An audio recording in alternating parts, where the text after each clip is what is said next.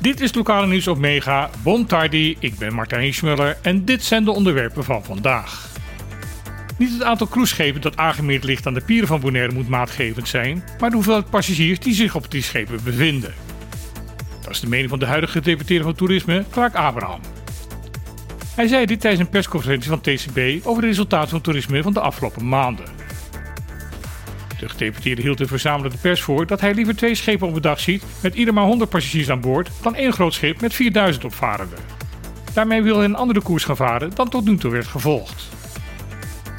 Abraham wil in overleg gaan met de toeristenpartners over de vraag hoeveel cruise-toeristen Bonaire per dag redelijkerwijs kan ontvangen. Dat zou volgens hem de kernvraag moeten zijn voor het te voeren beleid in deze kwestie. Daarbij moet volgens de gedeputeerde de wens om het aantal schepen zoveel mogelijk over het hele jaar te verspreiden ook verkracht blijven.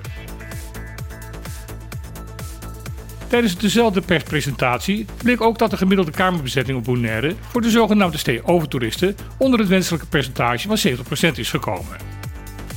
De afgelopen maand was gemiddeld slechts 61% van de beschikbare accommodatie op het eiland bezet. Toch bezochten bijna 14.000 verblijfbezoekers de afgelopen maand het eiland. Dat is een lichte daling ten opzichte van november vorig jaar, maar deze bezoekers bleven langer op het eiland. Het aantal overnachtingen in de vorige maand steeg namelijk bijna met 15% ten opzichte van een jaar eerder.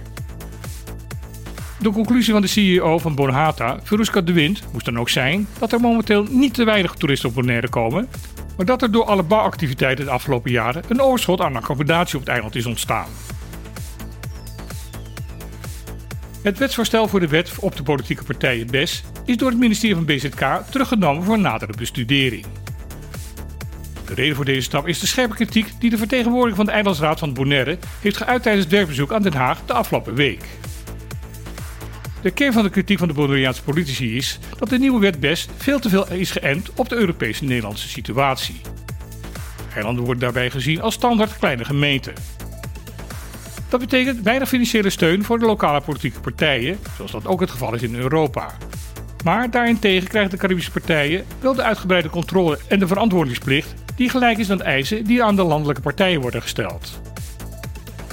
Ondanks dat de verantwoordelijkheden van de Caribische bestuurders en vertegenwoordigers vaak een stuk groter zijn dan bij hun Europese collega's, voorziet het wetsvoorstel in een aanzienlijke lagere beloning.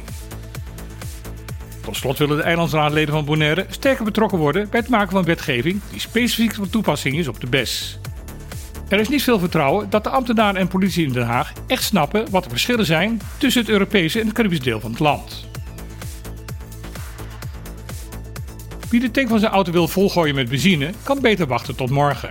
Dan zal namelijk de prijs van een liter benzine met 22 cent zijn gedaald. Je betaalt morgen nog maar 1,30 dollar per liter. Dit geldt echter alleen voor benzine.